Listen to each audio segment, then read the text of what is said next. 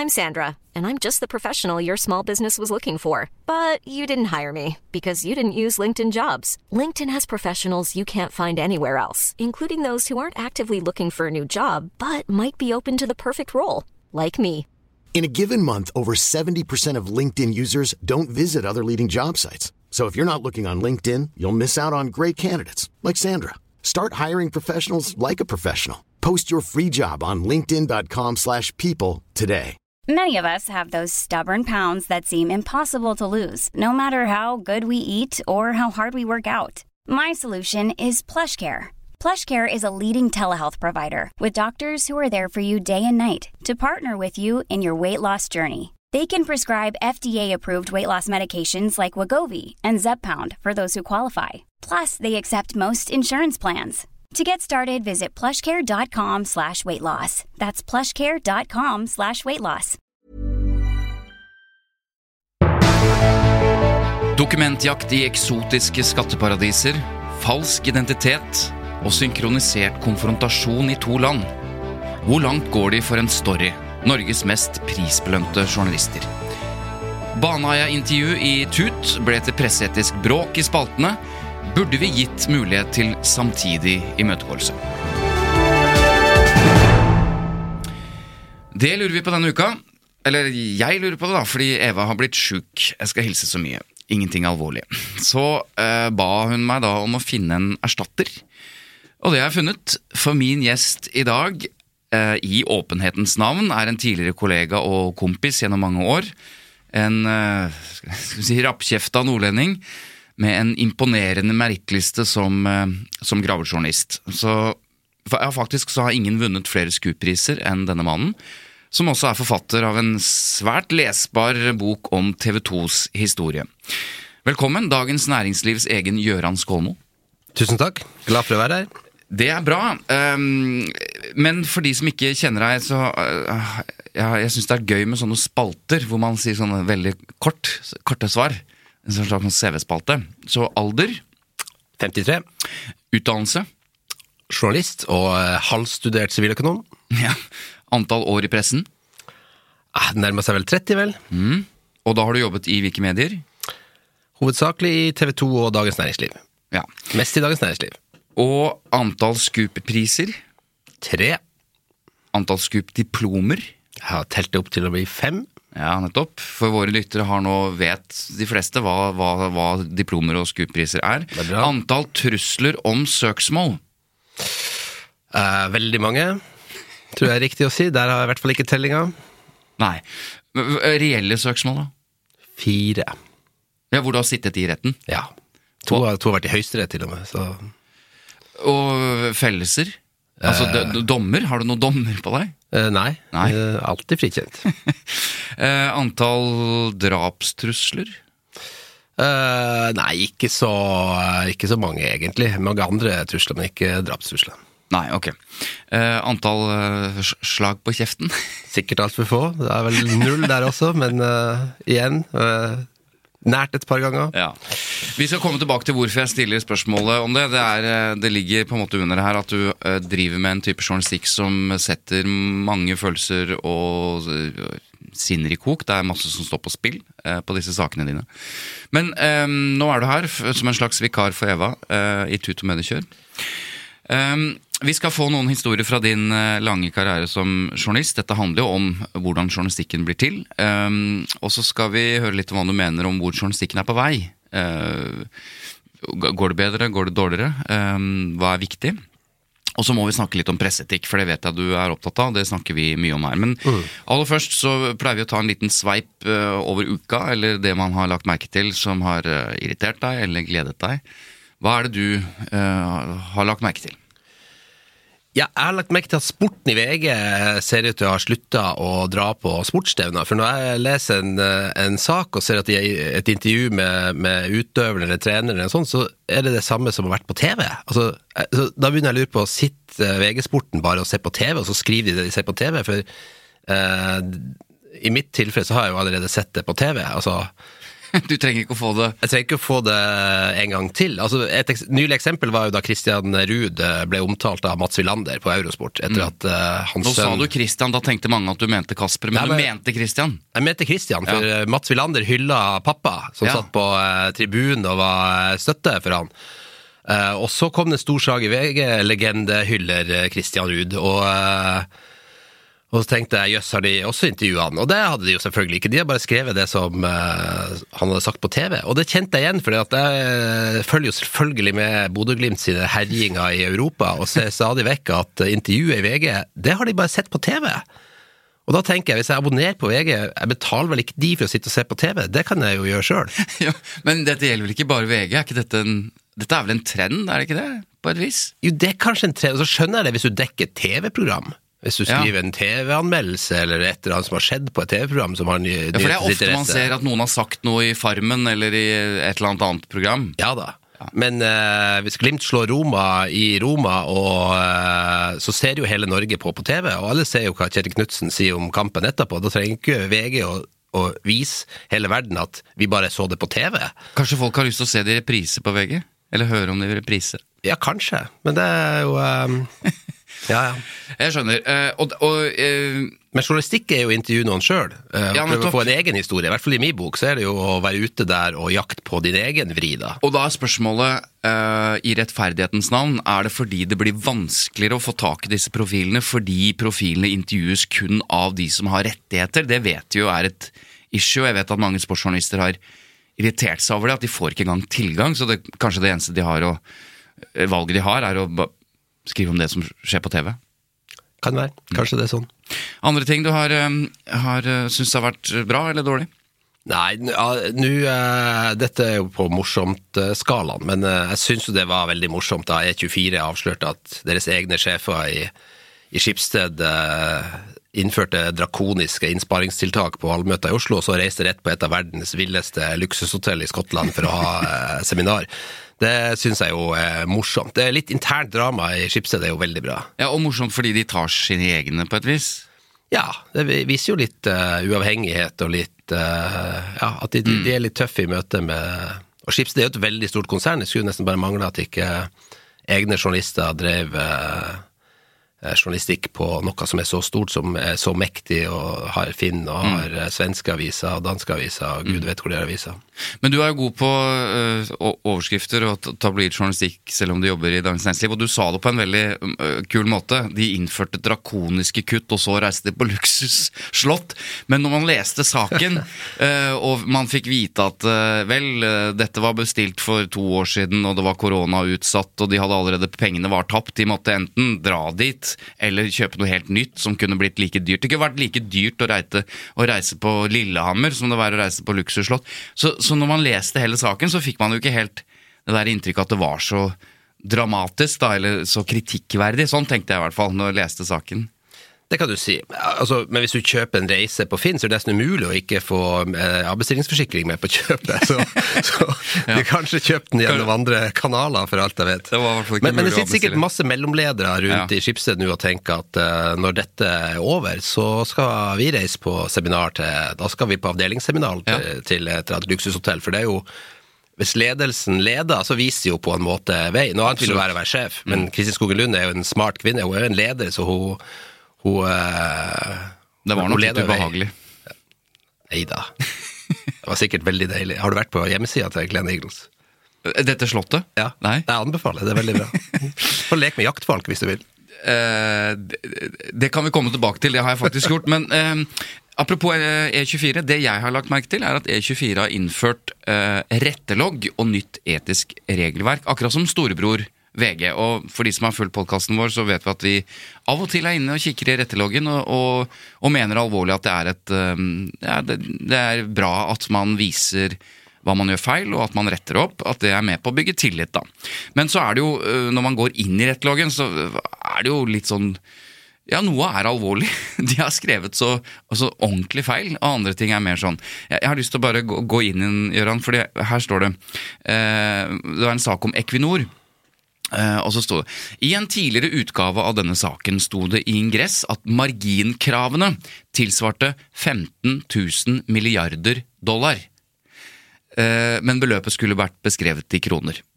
Feilen ble endret klokken 11.40.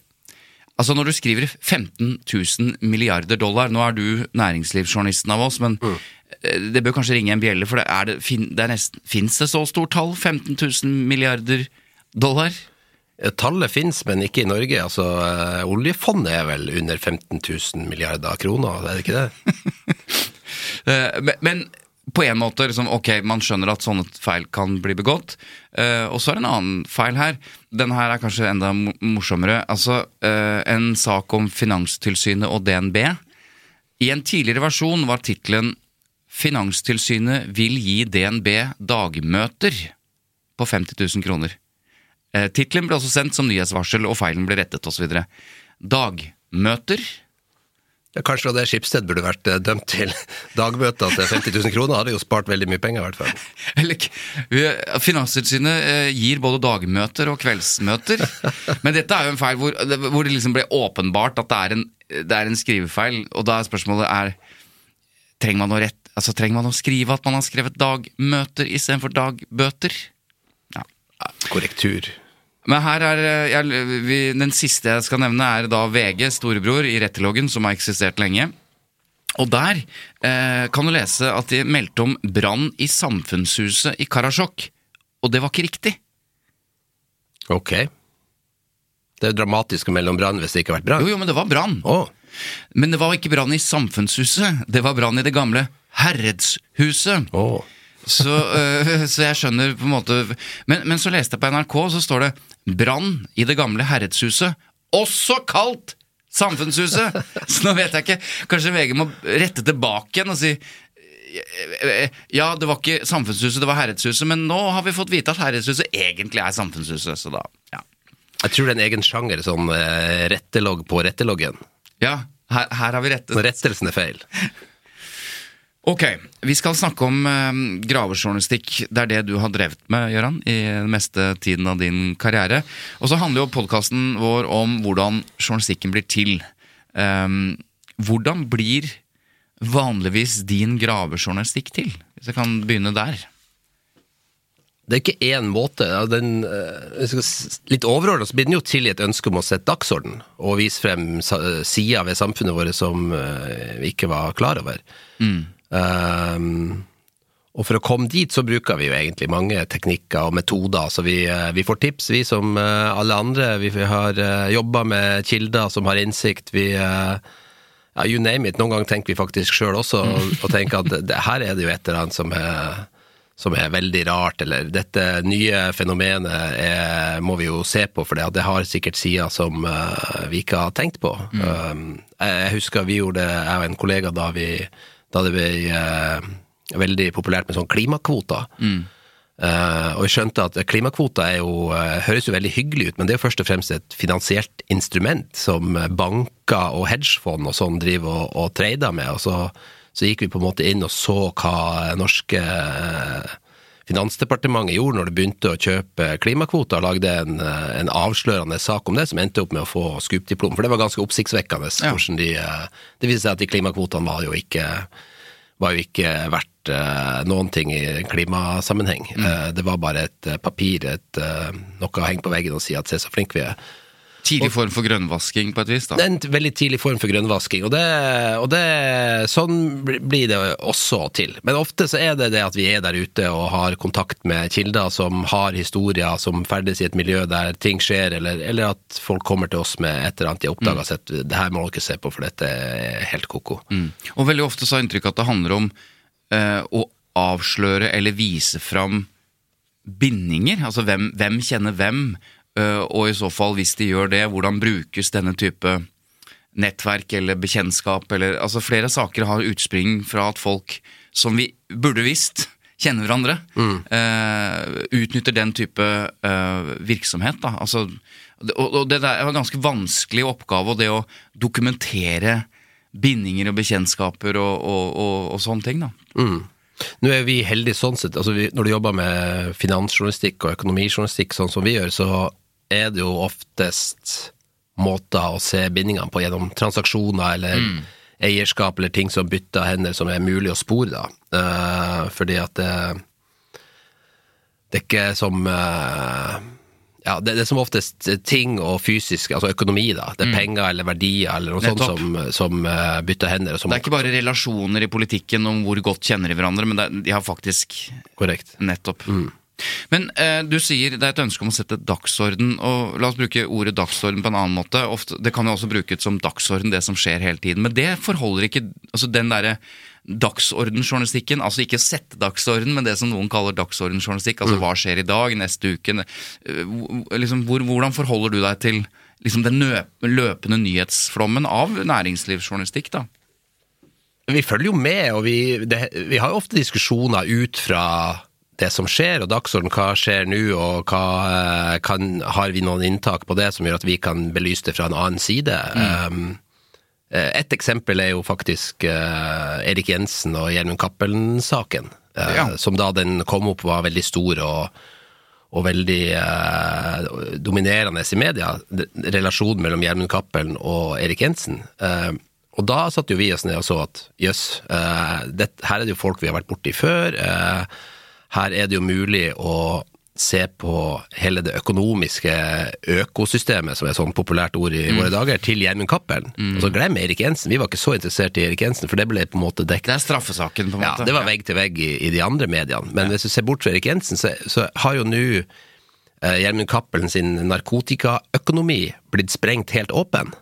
Eh, og vi kan på en måte følge forbindelsene. Nå vet vi hvem de er, vi vet hvem som satt i kontorfellesskapet, hvem som jobba for han. Og, og liksom ved å begynne å, å jobbe der, så kunne vi lage en, en helt egen historie om økonomien og systemet rundt en narkotikabaron, da, eh, og hvordan han eh, vaska penger, plasserte penger og agerte på en måte som i sitt miljø, da. Og det Og det er jo øh, Det som kjennetegner eh, mye av de sakene dere jobber med som gravejournalister, er jo at man går bakenfor. Men er det andre ting som, som du kan si eh, ja, kjennetegner de, de prosjektene som, som også kan ende opp med å vinne, vinne priser? Eh, altså vi er jo, er jo personlig mest fornøyd med de sakene som får konsekvenser. Um, Ja. og, um, og det er liksom viktig å se den forskjellen. Altså, en SKUP-pris er jo en, en metodepris på mange måter, eh, som du får for, eh, fra innovative metoder eller åpne dører som ikke var kjent, eh, kunne åpnes før, og, og virkemidler og sånn som er nyskapende. Så selvfølgelig må saken ha en viss sånn terskel av viktighet og, sånn. Eh, og den første SKUP-prisen jeg vant, kom jo for en sak som fikk veldig store konsekvenser. Der endra man finanslovgivninga i Norge etterpå, og et meglerhus ble jo lagt ned av myndighetene, og toppledere fikk sparken i store bedrifter. Og, og da kjenner du virkelig på at du lager viktig journalistikk. Mm. Ja, Stortinget endret lovgivningen etter avsløringen. ja. Ja. og det var en ganske ny lov også, så det, det, det, der viste vi frem huller i den loven som, gjorde, som kunne utnyttes, da, og som dette meglerhuset utnytta til å, å gjøre folk rundt seg ganske rike, eller i hvert fall prøve å gjøre de rike. da. Så den perfekte saken er på en måte satt sammen både av overraskende og avslørende journalistikk, men som får konsekvenser eh, for oss. Men du sier det veldig tydelig, du liker saker som får konsekvenser. Og vi har snakket om det litt i den politiske journalistikken. Altså denne myten, eller sannheten, om at journalister lukter statsrådblod. Og da snakker vi om konsekvenser som, som egentlig dreier seg om avganger. I politisk journalistikk eller i næringslivsjournalistikk. At man på et eller annet vis både jakter på konsekvenser av den art, og kanskje når man har drevet journalistikk eh, og, og skrevet ting som fører til at statsråder, altså de, de øverste politiske lederne vi har, eller statsminister for den saks skyld, må gå av, så er den en ultimate konsekvens, i hvert fall. eh, Så eh, hvordan altså, Og da har jo liksom kritikken av den måten å tenke på vært at at det er det som er drivende. ikke sant? At man skal få folk til å gå av, eller putte folk i fengsel osv. Og, du- og nå sier du at, at ja, det er det, er, det er det som får konsekvenser, er, er viktig for deg. Men sett i det bildet jeg nå snakker om, altså den der tilfredsheten noen kanskje føler, hva vet jeg. Hvordan kjenner du deg igjen i den, i den kritikken eventuelt, at det er det som er drivkraften? Det er ikke drivkraften. Da har du på en måte satt vogna foran hesten, tenker jeg. Jeg, jeg tror at, uh, at det får konsekvenser, er liksom valideringa av, av det du har avdekket. For meg er det jeg tror det blir feil hvis det har som eh, drivkraft at noen skal gå av. Det en, eh, og når jeg sier at det, det, er morsomt når det får konsekvenser, så er jo, så er jo det sett i ettertid. Det vil, jeg, jeg, tror at det vil bli litt sånn distraksjon og å gå etter At det målet er at noen må gå, liksom. Mm. Selv om det er blitt en sånn et slagord. Noen må gå. Mm. Men men konsekvensen sier du er en validering. Det er jo, Hvis noen må gå som følge av journalistikken, så betyr det at journalistikken på sett og vis har vært ja, viktig, da. Ja. Og det, ja, det gjør jo ofte det, mm. ikke sant? Og det er jo en God journalistikk er jo en systemkritikk, da, eh, tenker jeg. At man eh, finner svakheter i systemet, og så tenker jeg at systemet kan jo ha svakheter Eh, sånn, hvis noen utnytter det, det er jo da det ofte ender med konsekvenser for mm. personer, da, ikke sant. Mm. Men lovendring er jo ikke en sånn konsekvens, eksempel. I andre, I andre tilfeller så får det personkonsekvenser. hva da, eksempel? Altså, hva, du, hva, har, hva kan konsekvensene ha vært av de sakene du har jobbet med? Nei, vi har jo eh, vært med på å legge ned en bank, eksempel. Uh, det var en kristen bank der ledelsen uh, hadde tatt seg godt Eh, til rette, som vi og, ja, Det var en ellevill valutaspekulasjon og, mm -hmm. og uh, favorisering av de som, uh, som satt nært på ledelsen. Unnskyld, bare før du går videre. Vekter du dine ord nå, Gøran, når du snakker? Fordi at hvis du tar shortcuts på hva de egentlig ble dømt for, og hva de, dere egentlig avdekket, så kan de komme tilbake og si at det var ikke det det var? Ja. Det gjør jeg vel sikkert. Uh, og pluss at det er noen år siden, så det er ikke sikkert jeg husker alle detaljene helt, uh, helt presist. Men uh, ja. Men det er konsekvent. Men det er jo også det er jo også, det er også en håndfull mennesker som har sittet i fengsel pga. saker jeg har lagd, og enda flere pga. saker som mine kollegaer i, i dokumentaravdelinga i Dagens Næringsliv har lagd. Det, mm. det, er jo ofte, ofte, lager vi jo saker i skjæringspunktet mellom finansjournalistikk og krimjournalistikk. Mm. Um, så det, det, har jo skjedd. Noen av Norges rikeste mennesker har vært i fengsel pga. saker som er har vært ja. publisert i Dagens Næringsliv, så det, da, det, er store konsekvenser. Og da aner jeg meg at når man sysler med journalistikk som har den type konsekvenser, at rike, mektige mennesker står i fare for å havne i fengsel, så antar jeg at, at det, settes i gang en del motkrefter. ja, det, det gjør det. Kan du si litt om, om, om disse eh, motkreftene dere møter i, i, i jobben? Uh, ja, altså det er jo uh, Det ene er jo hindringer, selvfølgelig. Det er Folk blir lett påvirka av uh, aktører som har stor makt. Mm. Så kilder kan komme under press. ja, Hvordan merker du det, da? At kilder kommer under press? Nei, at, Det hender jo at kilder har trukket seg etter å ha blitt snakka til rette av noen som har eh, makt over dem. Mm. Um, men også i form av ja, det sendes jo ut kobler med advokater og kommunikasjonsrådgivere. Jeg har sittet i rom med to advokater og tre kommunikasjonsrådgivere i én og samme sak, der, der, hovedpersonen rett og slett ikke vil snakke med oss, men sender ut liksom et sånn kobbel som hvis du legger sammen timeprisene deres, så er du sikkert på eh, nærmere deg sekssifra beløp på de som er i rommet. Men, men, hva slags Ja, altså advokater har jo sitt språk og juridisk, og du snakket om du har, mm. du har ikke tall på mange ganger du, man blir truet med søksmål. Mm. Det kan jo både være sikkert åpne trusler, og det kan ligge litt i bakgrunnen, men hva mm. slags, mm. hvordan agerer disse, disse mellommennene da, når de skal prøve å fendre det dere driver med? Det varierer. Altså, si det sånn, advokat er ikke alltid et problem. da. Det er ikke alltid Nei. et problem at det kommer en advokat inn i saken. Noen ganger så er en advokat en, eh, eller en kommunikasjonsrådgiver for den del, eh, en, en rasjonell operatør. da. En, eh, en ja, en, en som som er med på å roe ned. Altså, du har i hvert fall noen å kommunisere med, da. Ja. Noen som er, står litt lenger, har kanskje et kjøligere forhold til saken, og du vet at du alltid får svar, du alltid får tak i vedkommende. Så det er jo Det, det kan være nyttig. Det kan være en bra ting. Um, men, men, jeg, jeg syns jo det er rart at, at, folk som skjønner at de er i søkelyset for vår journalistikk, ikke har lyst til å prøve å forklare seg. Uh, jeg tror jeg har til gode å ha en sak der noen har stilt opp og følt at de kom dårligere ut. For det at folk er alltid glad for å få frem sin egen, sin egen mening, og det er jo litt vanskeligere gjennom advokater som ofte er litt firkanta, eller kommunikasjonsrådgivere som Ja, det blir litt viskeleken, da. Ja. De, de, Men det er veldig interessant. Du sier at du har til gode å oppleve at folk som faktisk stiller opp Nå er jo du ikke liksom helt uh, Du står jo i saken, men, men mm. du sier at uh, du har til gode å oppleve at de som stiller opp, kommer noe dårligere ut av det. Og det er jo interessant, fordi det er jo det som er frykten hele tiden. At de tør ikke å sette seg ned med journalister og svare direkte på spørsmål. Fordi ja, de har en eller annen frykt rundt det, da. Ja, hva er den frykten? At de røper mer enn de trodde de kom til å gjøre? Altså, mm. kanskje.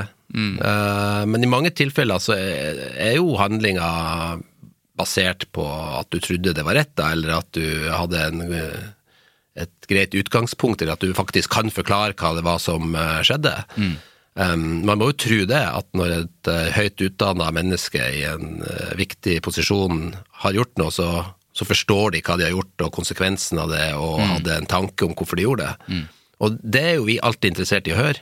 Vi vil jo vite hvorfor, hvorfor skjedde det, liksom. Hva var det som uh, Hva er dette vi ser på egentlig? Mm. fortell oss det, for vi hører jo, og vi må jo høre. Ja, det sier presseetikken at dere også må gjøre, og presentere det faktisk det som kommer òg. Men jeg tenker på, vi har, vi har hatt en sånn egen Scoop-pris, øh, øh, eller episoder, hvor man forteller om alle disse metodene, og du bruker jo noen av de samme metodene, ikke sant? Det er hardt, kjedelig arbeid, systematisere informasjon, øh, dager med, med regneark og postjournaler og gud vet hva. Men um, og det, er, det, høres litt kjedelig ut. Men fortell om den, den eller, si, de morsomme dagene på jobben, da, som ikke handler om å stirre ned i et regneark eller gjøre søk på internasjonale og nasjonale liksom, registre. Hva kan det være? Ja, De morsomme dagene er jo når man er ute og, eh, og treffer folk. Det kan, så, det kan, være så, enkelt som et godt kildemøte, når du får den riktige kilden som faktisk kan gi deg innsiden på hva som har skjedd, eh. Er villig til å møte. og og du bare gleder deg til det møtet. Det kan være bra. Det er selvfølgelig også sånne litt Hardyguttene-aktige eh, fotpatruljer i eh, eksotiske strøk. Vi er på jakt etter dokumenter i skatteparadiset. Altså da det var en stor korrupsjonssak i Statoil på begynnelsen av 2000-tallet. Da, eh, da jobba jeg i New York for Dagens Næringsliv, og jeg ble sendt til uh, Turks and Caicos, uh, to små sånn, skatteparadisøyer i Karibia for å Jeg har ikke hørt om det engang. Hva heter det? Turks and Caicos. en liten øygruppe. Uh, og og ble sendt dit for å, å, å, finne dette selskapet til sønnen til uh, en iransk statsleder som hadde fått penger fra Statoil. Mm. Og hadde adresse og alt, og dro til Turks and Caicos i sandaler og bermudashorts. Og fant et lite rosa murhus der det gresset noen esel utafor.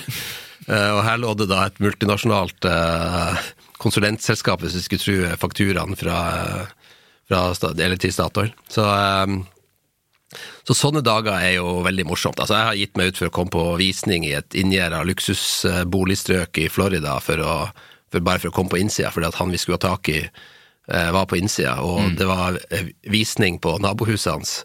Ja, Så du lata som du skulle kjøpe huset? Ja rett og slett. Og, og, og, det har vi også hørt om og lest om i metoderapporter fra deg og dine kollegaer, at man, at man også liksom går til det skrittet at man, eh, ja, at man har falsk identitet, eller utgir seg for å være andre. Og det, og det, vi skal snakke litt om presseetikk nå snart, men, men, det er jo noen grenser her som er interessante sånn presseetisk sett også. Så har du jo valraffing, hvor du liksom går ordentlig eh, deep undercover. Men, mm. men, eh, den type virkemidler, hvor ofte bruker man, bruker man det? Ikke ofte. Det er ikke mange ganger i løpet av en sånn karriere jeg har brukt uh, falsk identitet. Mm. Uh, og så er det selvfølgelig grader av det. Det er å ringe og være litt uh, omtrentlig med hva du heter og hvem du kommer ifra, eller å og sånn er liksom én ting, noe annet er liksom rett og slett å gi seg ut for å være noen andre enn det du er. Det har også mm. skjedd ved et par anledninger, men da er, da er det egentlig sånn da, må, da er det sånn Dette må vi vite. Vi må på innsida her, vi mm. må faktisk dokumentere at det skjer, ved å få det til å skje sjøl. Um, og da, jeg husker, da være med på det. Jeg husker for mange år siden eh, da du ga meg et tips om hvordan man på en ganske enkel måte kunne komme på innsiden av uh, selskaper. Altså ikke inne i, i selskapslokalet nødvendigvis, men, men, rett og slett være til stede på noe så enkelt som en generalforsamling. Mm. Og hvis man skal være til stede på en generalforsamling, og presten ikke er invitert, for vel, man kan, trenger ikke å invitere presten dit, så må man ha aksjer. Ja. Så du uh, fortalte meg at du kan jo bare kjøpe én aksje, f.eks. i Kverner. Det var på den tiden hvor Kverner var veldig aktuelt. Det var Guantánamo Bay, de skulle levere noe greier. Altså fangeleiren på Cuba. Uh, og da kjøpte jeg én aksje i Kverner. Mm. Uh, den har jeg fortsatt. Ja, gratulerer. Jeg, jeg, får, jeg får stadig vekk noe sånn Den heter jo ikke Det er ikke Kværner-aksjen lenger, for det har jo vært masse greier etter det. Ja. Men, men, men uh, denne type liksom triks, da, kall det det, for, for, for helt legitim å da kunne sitte der. Så kan man selvfølgelig diskutere hvor legitimt det er. Er du der da som aksjonær, eller er du der som journalist? Du er da i hvert fall åpenbart fordi du får informasjon. Men, eh, men eh, kan du si litt om akkurat denne type liksom, virkemidler eller triks komme, for, som dere åpenbart bruker for å få informasjon? da? Ja, da, men i et sånt eksempel så vil vi ikke gi oss ut for å være noe annet enn enn det vi er.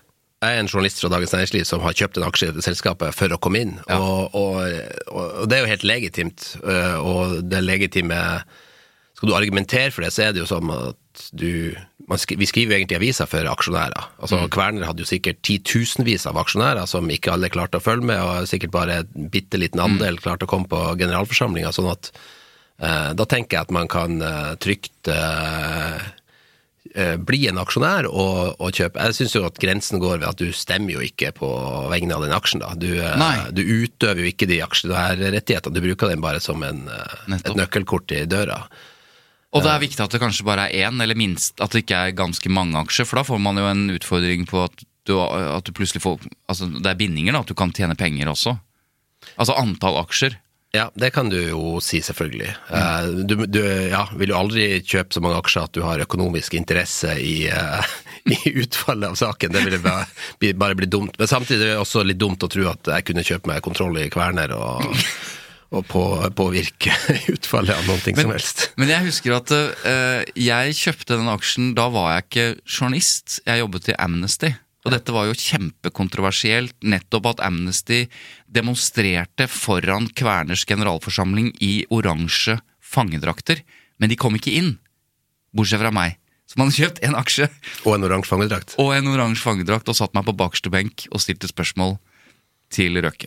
Men det er en annen historie. Ja, men da var du det som i moderne eh, finans kalles en aktivistaksjonær. For det fins også. Det Ja, finnes, nettopp, det er et eh, eget ord for det. Ja, ja, det er egne det er hedgefond som går inn og eh, kjøper opp eh, aksjeposter i et selskap for å gå inn og forandre ting. Mm. Fordi at de tror det vil øke verdien på et selskap. Det skjer også.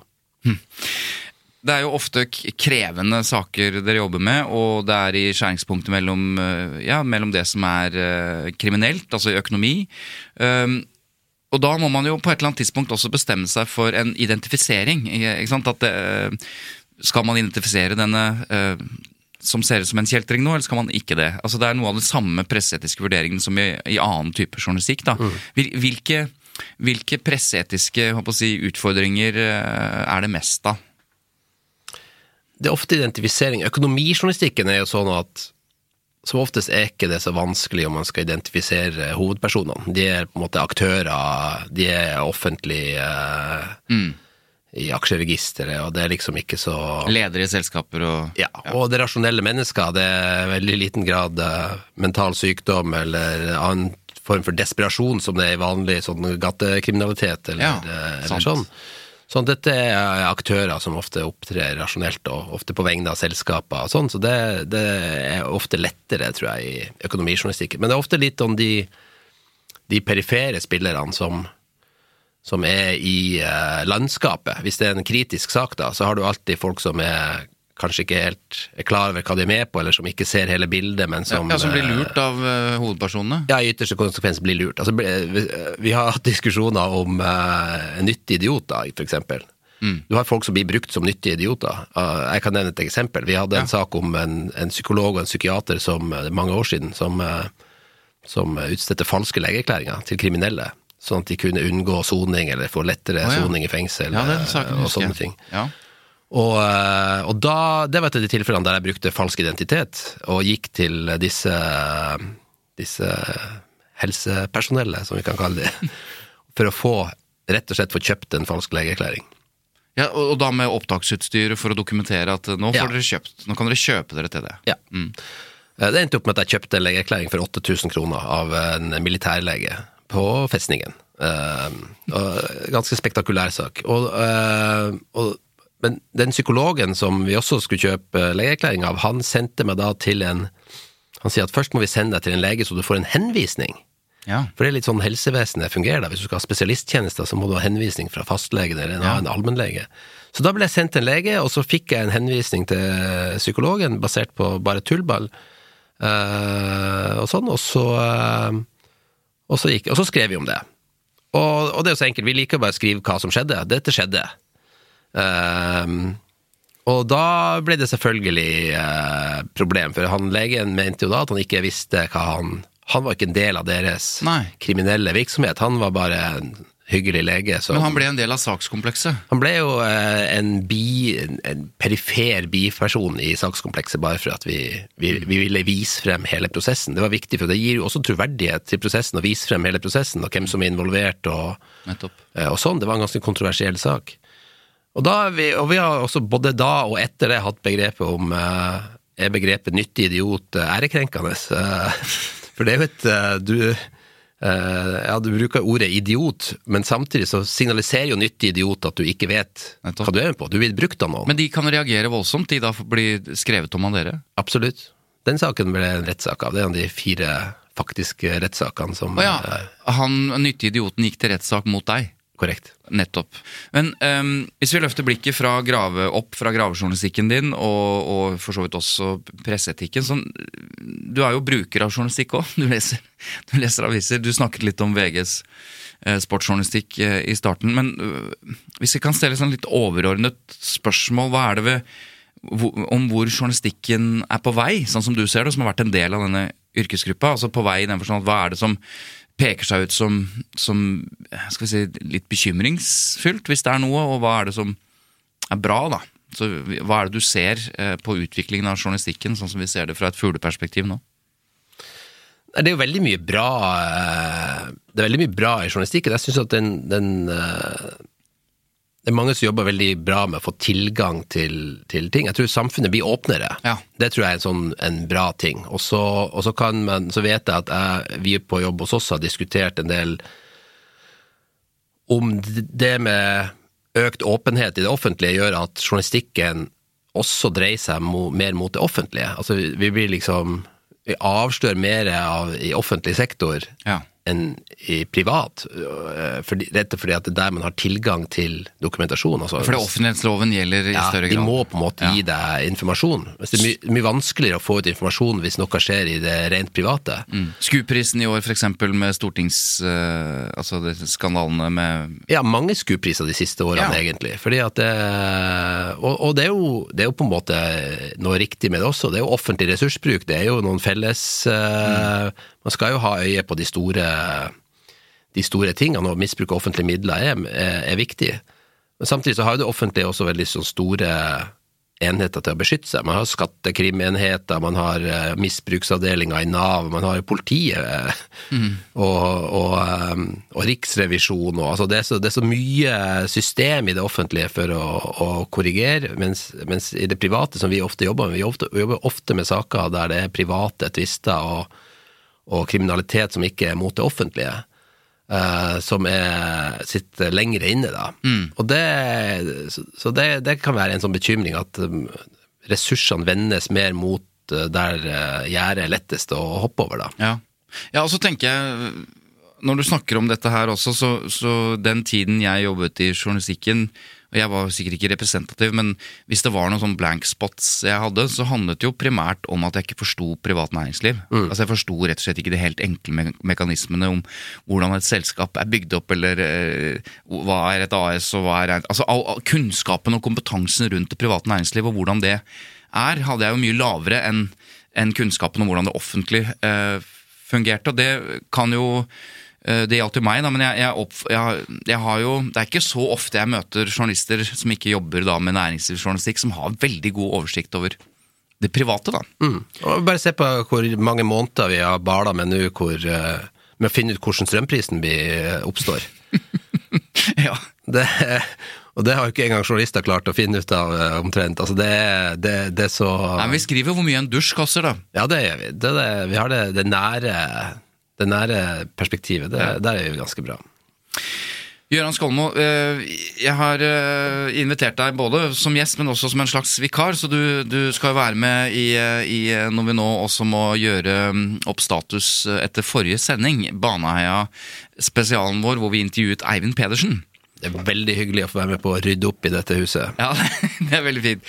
Fordi da intervjuet vi altså tidligere Dagbladet-journalist Pedersen, som jo har dekket Baneheia-saken siden starten, men var en av de få da, som stilte eh, flere kritiske spørsmål til, til, dommen og til politiets arbeid. Eh, og den eneste, i, eneste, journalisten i flokken som i en undersøkelse senere sa at dommen var feil. Alle andre mente den var riktig. Og Så har hun jobbet både som journalist og som støttespiller for Igor Kristiansen for å få saken opp igjen. Eh, men men det, det, intervjuet vi gjorde med han, var det mange som reagerte på. Jeg vet ikke om du hørte, hørte intervjuet? Jeg hørte på det, det var morsomt. Ja, og, det som kanskje gjorde det morsomt i, i dine øyne, er jo at han, han, la jo ikke noe imellom. Altså, Han kom med en rekke karakteristikker og beskyldninger mot navngitte personer. Mm. Og da skal jo vi som jo journalister, dvs. Si vi, uansett om vi er journalister i det daglige, vi sitter nå og lager en podkast og gjør intervjuer, da må, det, da må det ringe noen bjeller, da. Eh, for da er noen som må komme, komme med såkalt tilsvar.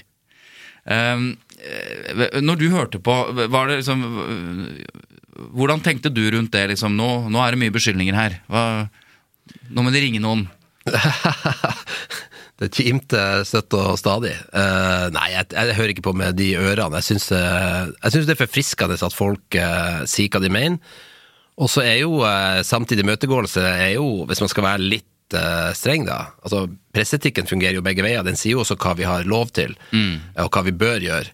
Uh, og samtidig imøtegåelse bør jo være forbeholdt de litt sånn harde beskyldningene om noe som faktisk er kritikkverdig. Nettopp. Jeg la merke til at en advokat ble omtalt som klovn, f.eks., i den eh, podkasten, og det jeg skjønner jo at han kanskje ikke syns det er stas, men samtidig, det er jo ikke en, er jo ikke en beskyldning om noe kritikkverdig. Mm. Og uh, For å ta lytterne med på det, for vi har fått masse spørsmål, vi har fått mye kritikk også, som sier hvordan i all verden kunne dere henge ut denne advokaten, Sigurd Klomsæt, på den måten, uten samtidig imøtegåelse. Så uh, vurderingen vi gjorde da, der og da, det var at vi var noe som vi mente Dette er jo en vurdering som utløste samtidig imøtegåelse, bl.a. mot tidligere etterforskningsleder Arne Pedersen og rettsmedisinsk sakkyndig under rettssaken Bente Mevåg, eh, som fikk da muligheten til det. Nå valgte de ikke å kommentere, det var for så vidt ikke så overraskende. Men så var det også noen utfall da mot denne Sigurd Klomsæt, som har vært eh, forsvarer for Viggo Kristiansen tidligere, og mot forfatter Bjørn Olav Jahr. Det vil si, det var ikke noe utfall mot Bjørn Olav Jahr, men det var en fortelling om hvordan bokprosjektet kom til. Og begge de eh, har jo reagert eh, på dette og ønsket eh, å komme med sin versjon versjon. Og Det er jo det som kalles eh, tilsvar. Eh, og bare for å gjenta dette, for dette er jo noe som mediene baler med selv òg, som vi har fellelse på samtidig imøtegåelse absolutt hele tiden. Så det er, ikke, det er ikke så lett dette her heller, da. Men, har du, du, har jo ikke gått i den fella, da, men eh, noen gjør det. Ja. Punkt 4.14 så sier det at de som utsettes for sterke beskyldninger, skal så vidt mulig ha adgang til samtidig imøtegåelse av faktiske opplysninger. Så Det betyr ganske enkelt, som du sa, at blir du kalt klovn, som kan være eller jævla idiot, eller det kan være veldig kraftige beskyldninger, så lenge det ikke er av faktiske art eller faktiske opplysninger, så, så utløser ikke det nødvendigvis da, samtidig imøtegåelse. Og så er det, det er punkt 4.14, og så er det 4.15. Der kommer tilsvar inn. ikke sant? De som blir utsatt for angrep, det er mer sånn generelt, skal snarest mulig få adgang til tilsvar. Men det står også i opposisjon til samtidig tilsvar, eller samtidig imøtegåelse, som er i samme publikasjon, samme sending, samme podkastepisode. Så for oss, da, Gøran, hva er snarest mulig i en ukentlig podkast? Det må jo være neste uke, da, hvis ikke du har tenkt å lage en ekstrapodkast. Men da skal du ha tråkka godt over streken. Ja, Og så har vi en mulighet til, som vi allerede har benyttet oss av. Vi, vi gjorde det på Facebook-sidene våre, sånn at vi, der er det veldig mange. Men ok. Da hentet jeg først inn tilsvar fra advokat Sigurd Klomsæt, og spurte eh, hvordan han reagerte på eh, disse beskyldningene. Jeg blir gjort oppmerksom på dette at han har vært ute og oppfattet av meg. Det er ikke noe nytt for meg, fordi han har jo flere år drevet en, hva jeg vil hevde, en kampanje mot meg. Og han vet jo selv at jeg sitter på mange mailer han har distribuert rundt. Så at jeg omtales som både udugelig og at jeg har forsinket starten osv., det, det er jeg kjent med. Så det er ikke noe nytt. Men jeg reagerer fordi at han eh, få lov til å holde på med dette uten at han blir imøtegått. Det, det er mitt anliggende. Han har sin frihet til å mene hva han vil, men uh, det er også et visst uh, sannhetskrav til det som blir sagt, og der svikter det jo. Hva er det spesielt du tenker på som han beskylder deg for eller kommer med, som du, som du mener er viktig å, å imøtegå? Nei, Det er mye. Han påstår bl.a. at jeg ikke har lest dokumenter, at jeg vel har vært en, et stort problem for hele saken. Så eh, de som vil skade meg, de har den oppfatningen du tilkjennegir. Jeg lar det bare prelle av som vann på gåsvær, fordi jeg er oppfattet som useriøst og krenkende. Mm. Både Bjørn Olav Jahr, som har skrevet bøkene om Baneheia, og jeg har i podkaster understreket viktigheten av det arbeidet du gjorde eh, ved å engasjere eh, sakkyndige knyttet til DNA-beviset. Og så er det samtidig sånn at eh, flere mener at du har, uh, ved å opptre sånn som du har gjort opp igjennom, har skjøvet noen av de som kunne vært interessert og burde vært interessert i dette, fra deg. Tenk, hva tenker du om det? Jeg har utelukkende i min tid for klienter, og også inkludert Viggo Kristiansen, vært opptatt av hva som er beste for klienten.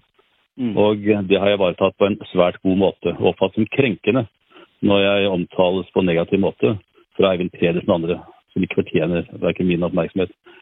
Sånn som du ser det, noe, og du har også uh, har heller ikke hatt uh, en rolle for Viggo Kristiansen de siste årene. Uh, er det noe, sånn som du ser det, du kunne gjort annerledes i, i, denne prosessen, sånn som du ser det nå i ettertid? Ja, jeg skulle ikke ha eh, gjort eh, den første begjæringen på det tidspunktet jeg ble gjort. Jeg hadde for dårlig underlagsmateriale, hadde for dårlig kunnskap om saken. Det var Reivind Pedersen, som var en av journalistene som var positiv til å bistå og gi meg input, som også skrev mye av den. Og hans overbevisning var jo at det var to gjerningsmenn, men at Viggo ikke var en av de to.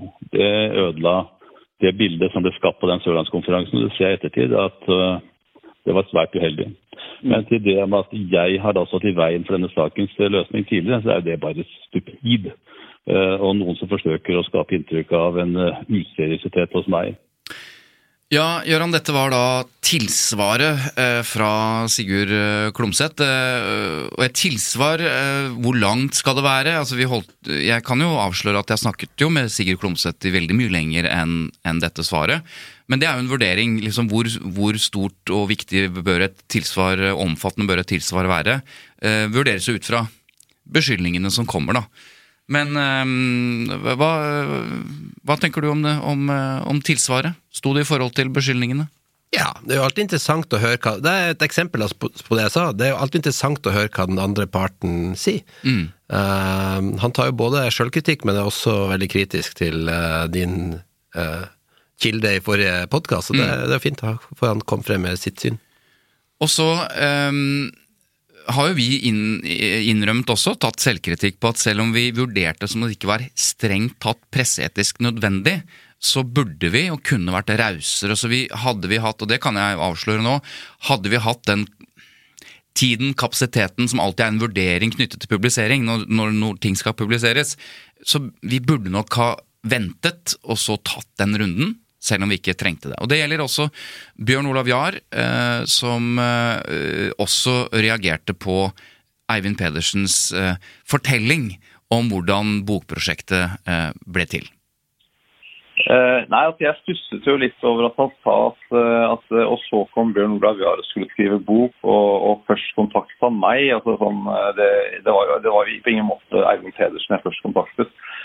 Eh, og Så sier han vel også at, eh, at jeg eh, tilbød forespurte om han kunne være interessert i å samarbeide med et bokprosjekt med han, og at han takket nei til det fordi jeg eh, hadde allerede også inngått et samarbeid med Sigurd Klomsæt. og Begge deler er jo feil. Altså, jeg tilbød jo ikke Eivind Pedersen at vi skulle skrive noen bok sammen, og jeg hadde på ingen måte inngått noe samarbeid med Sigurd Klomsæt heller.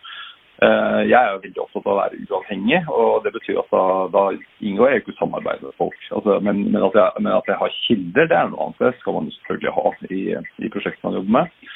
Men for meg så har liksom det skriftlige materialet vært, eh, vært, det mest sentrale. da. Så, men eh, når det skal sies, så hadde jeg jo, jeg hadde jo samtaler med Eivind Pedersen, og særlig etter hvert liksom mot slutten av boken, hvor han leste over over boken og kom med innspill. og Han er også intervjuet litt i boken, så jeg har også brukt noen sitater fra han. og Det har jo vært uh, nyttig. Han har jo stor kunnskap om saken. Han dekket den jo fra begynnelsen av, så, så, jeg tenker at det er bra.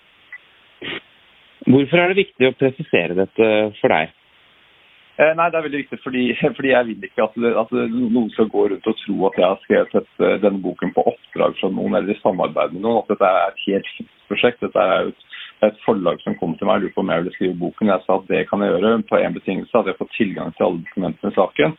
Så kan jeg gå i gang. Det er det som har vært liksom premisset for meg. Da. Og da handler det om å være totalt uavhengig. Og jeg tok jo kontakt med alle de etterlatte og Jeg tok kontakt med Jan Helge Andersen, Viggo Kristiansen og familiene til guttene og, det, og, spurte om folk ville være med og stille opp for ble, at det ble intervjuet. og Alle sa jo nei. og Det var på en måte en fordel også, til og med Viggo Kristiansen sa nei. Eh, selv om dette da endte i mange øyne så ofte bli et slags forsvarsskrift for ham. da, eh, Noe jeg på en måte aldri ønsket å skrive, men, eh, men jeg ønsker å fremstille saken i sin helhet.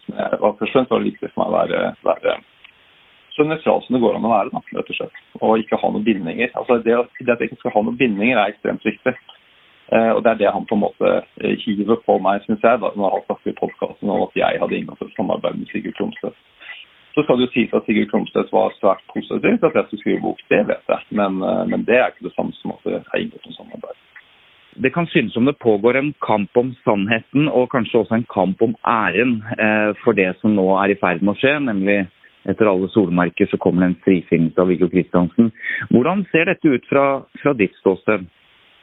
Eh, nei, altså jeg tenker at Det er jo det folk her som har gjort eh, arbeid fra tidlig av som er svært viktig. og Det gjelder både Eivind Pedersen og Sigurd Klomsted, som har gjort eh, enormt viktig arbeid i en tidlig fase, og, og, og også omfattende arbeid. altså den, Denne gjenopptakelsesbegjæringen som ble sendt i 2010 er jo etter mitt skjønn eh, det er der hele saken ligger. Det er der saken skulle vært gjenopptatt allerede den gangen. Så jeg har på en måte kommet til, eh, til på sånn, sånn, sett noe dekket bord. ikke sant? Jeg har jo gjort mine egne undersøkelser og jeg har jo fått frem egen informasjon i boken. Men, eh, men det er klart at at, uh, at jeg, har, jeg, får masse ros og skryt for dette her, og det er jo gøy.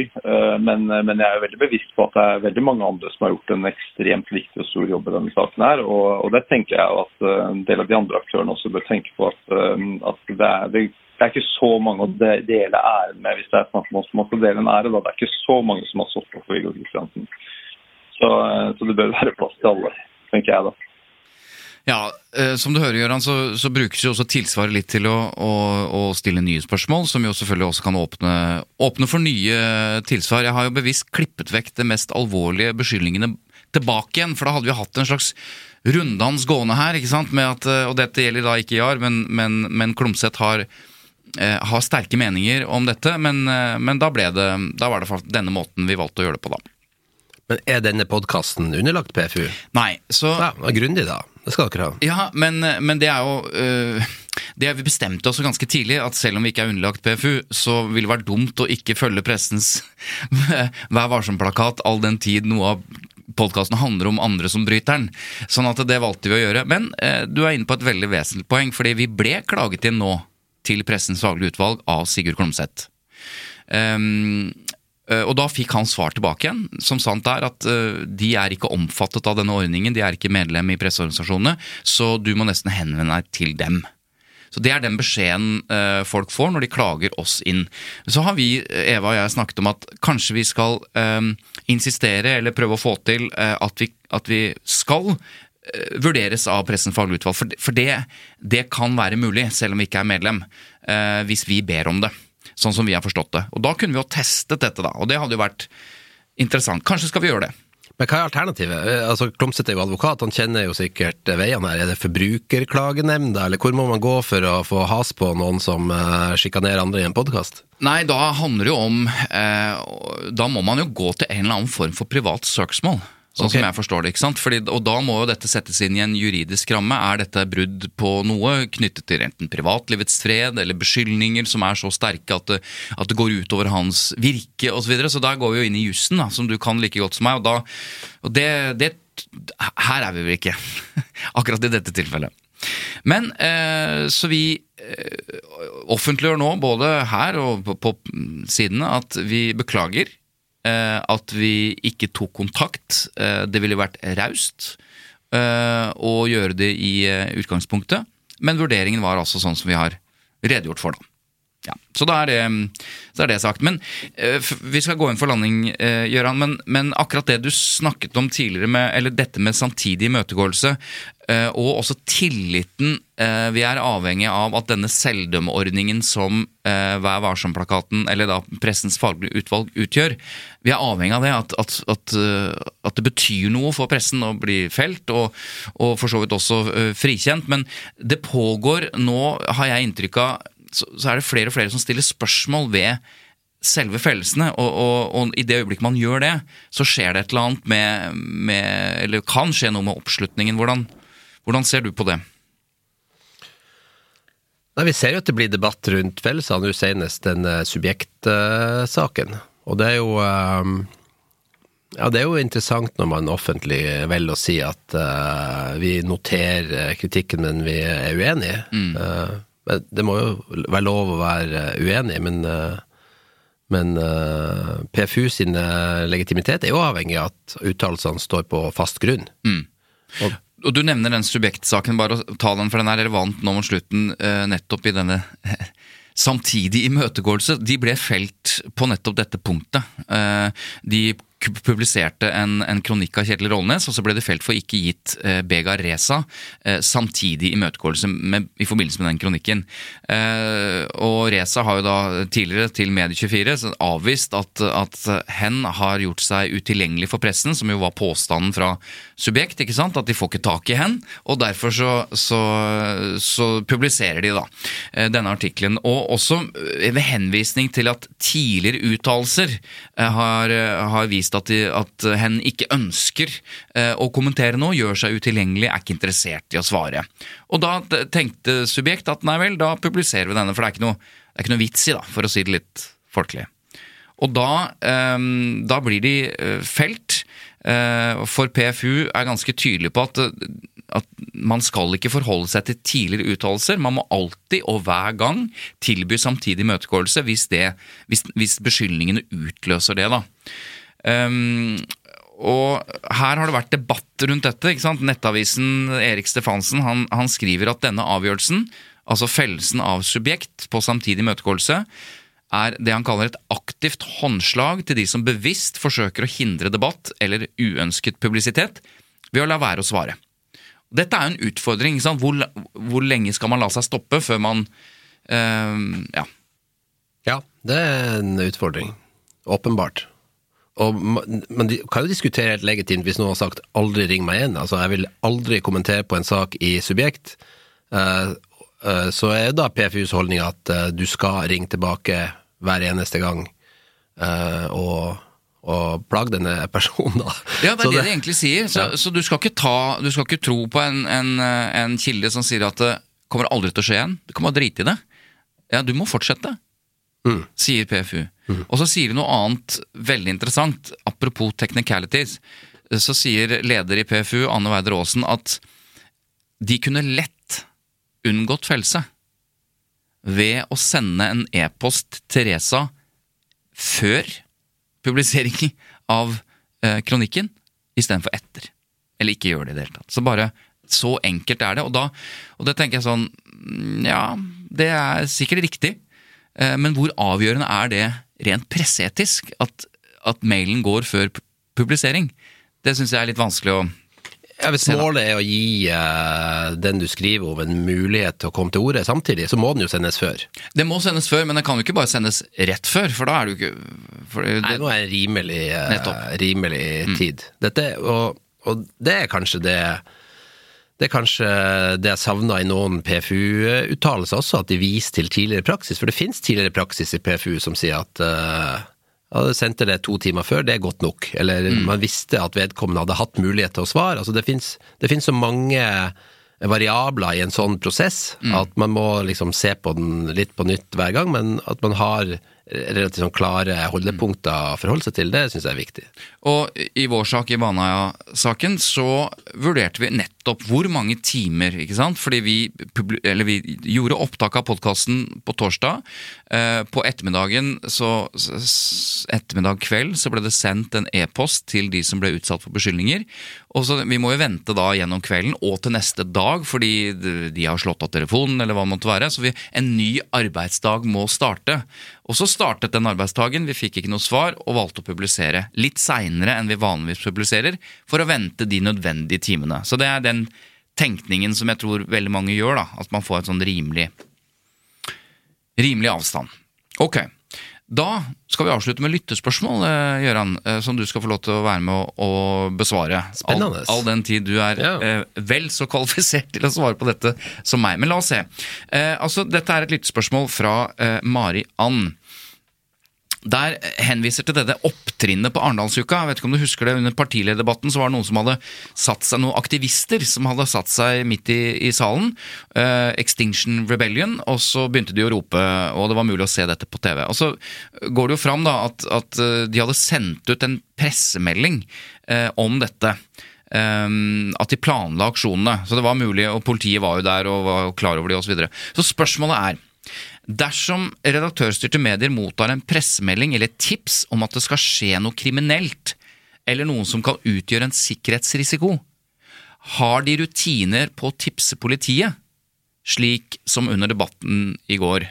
Eh, nå er det åpenbart at dette spørsmålet er sendt for en stund siden, men, men vi besvarer det nå. Det er veldig interessant, for at hvor går liksom, Skal mediene tipse om noe kriminelt hvis de får tips om det. Hvilke vurderinger gjøres da, Gøran? Vår metode er jo å avsløre sjøl, ikke å, å, tipse politiet. Dette har vært masse diskusjoner om sånn, sånn generelt. Eh, men i sånn tilfelle som dette, der man har en direktesending, altså en redaktør eller et, et, et mediehus kan jo på en måte heller ikke akseptere at noen utenforstående kupper f.eks. en direktesending ved å stille seg i bakgrunnen med budskap som eh, kanskje er uspiselig og ulovlig og, mm. og helt uønska i, i, den settingen. Så at man må jo kunne beskytte eh, innholdet i sin egen eh, sending. Men det ganske enkelt, man, det er jo grunn til å publisere den type eh, opplysninger, og ikke nødvendigvis bare ringe til politiet. Ja, det er sant. Men, men, men du, du, har jo også ansvar for altså Hvis uh, hvis eh, du er på direktesending i Arendalsuka, og det plutselig står en med et banner bak som sier at uh, kommunepolitikeren hos oss er pedofil, eller uh, et eller annet som er mm. helt åpenbart veldig grovt, så har du vel i prinsippet redaktøransvar for den ytringa også, for den er på ditt medium. Så du, du, er nødt til å kontrollere omgivelsene, det skjønner vel uh, mm. de fleste veldig godt, tror jeg. Siste spørsmål, som vi har fått flere av opp igjennom, men som vi aldri har eh, besvart. og Her er jeg litt usikker på svaret og hvordan praksis er. Men et enkelt lyttespørsmål. Hvilke vurderinger gjør mediene eh, når det gjelder å nevne alder i parentes når man omtaler mennesker? Her er et eksempel. Petter, parentes 34, så plutselig delfiner ved Sponvika. Altså, når er det relevant, og, og, og, og, når er det riktig, eller hva gjør mediene? Hvordan tenker medier når de har alder på personene de omtaler? For det er jo åpenbart ikke hele tiden.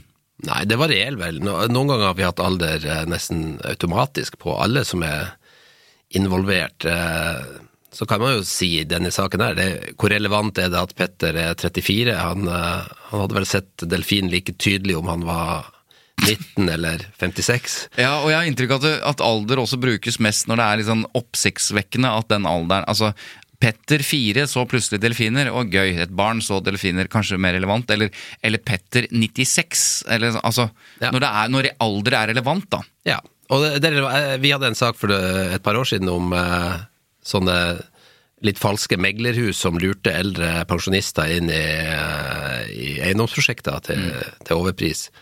Og da var det jo relevant hvor gammel eh, disse investorene var. Altså når 19-åringer sitter i Bjørvika og ringer rundt til eh, folk som er over 70 for å få tak i sparepengene deres, så, ja. så er det på en måte relevant å vise frem hva er aldersspennet i mm. kundegruppa her.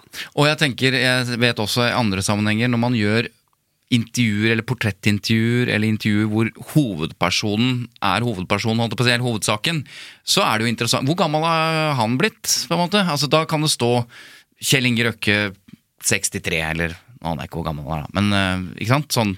Uh, men uh, akkurat her, svaret på lyttespørsmålet, Petter, 34, som ser delfiner, ikke så relevant. Det var relevant hvis han så 34 delfiner, kanskje. ja. Gøran Skolmo, det har vært en glede å ha deg på besøk for å diskutere både dette og hint. Takk det samme. Og så sier vi at Lyder Produksjoner produserer podkasten. Vi ønsker god bedring til min faste makker Eva Sandum. Og vi høres igjen etter all sannsynlighet neste uke. Med eller uten tilsvar. Ha det! Hei, hei!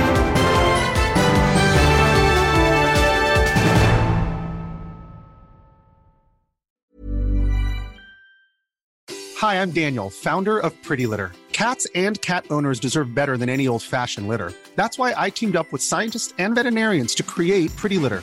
Its innovative crystal formula has superior odor control and weighs up to 80% less than clay litter. Pretty Litter even monitors health by changing colors to help detect early signs of potential illness. It's the world's smartest kitty litter. Go to prettylitter.com and use code ACAST for 20% off your first order and a free cat toy. Terms and conditions apply. See site for details. Hey, it's Paige DeSorbo from Giggly Squad. High quality fashion without the price tag? Say hello to Quince. I'm snagging high end essentials like cozy cashmere sweaters, sleek leather jackets, fine jewelry, and so much more. With Quince being 50 to 80% less than similar brands. And they partner with factories that prioritize safe, ethical, and responsible manufacturing. I love that. Luxury quality within reach. Go to quince.com slash style to get free shipping and 365 day returns on your next order. Quince.com slash style.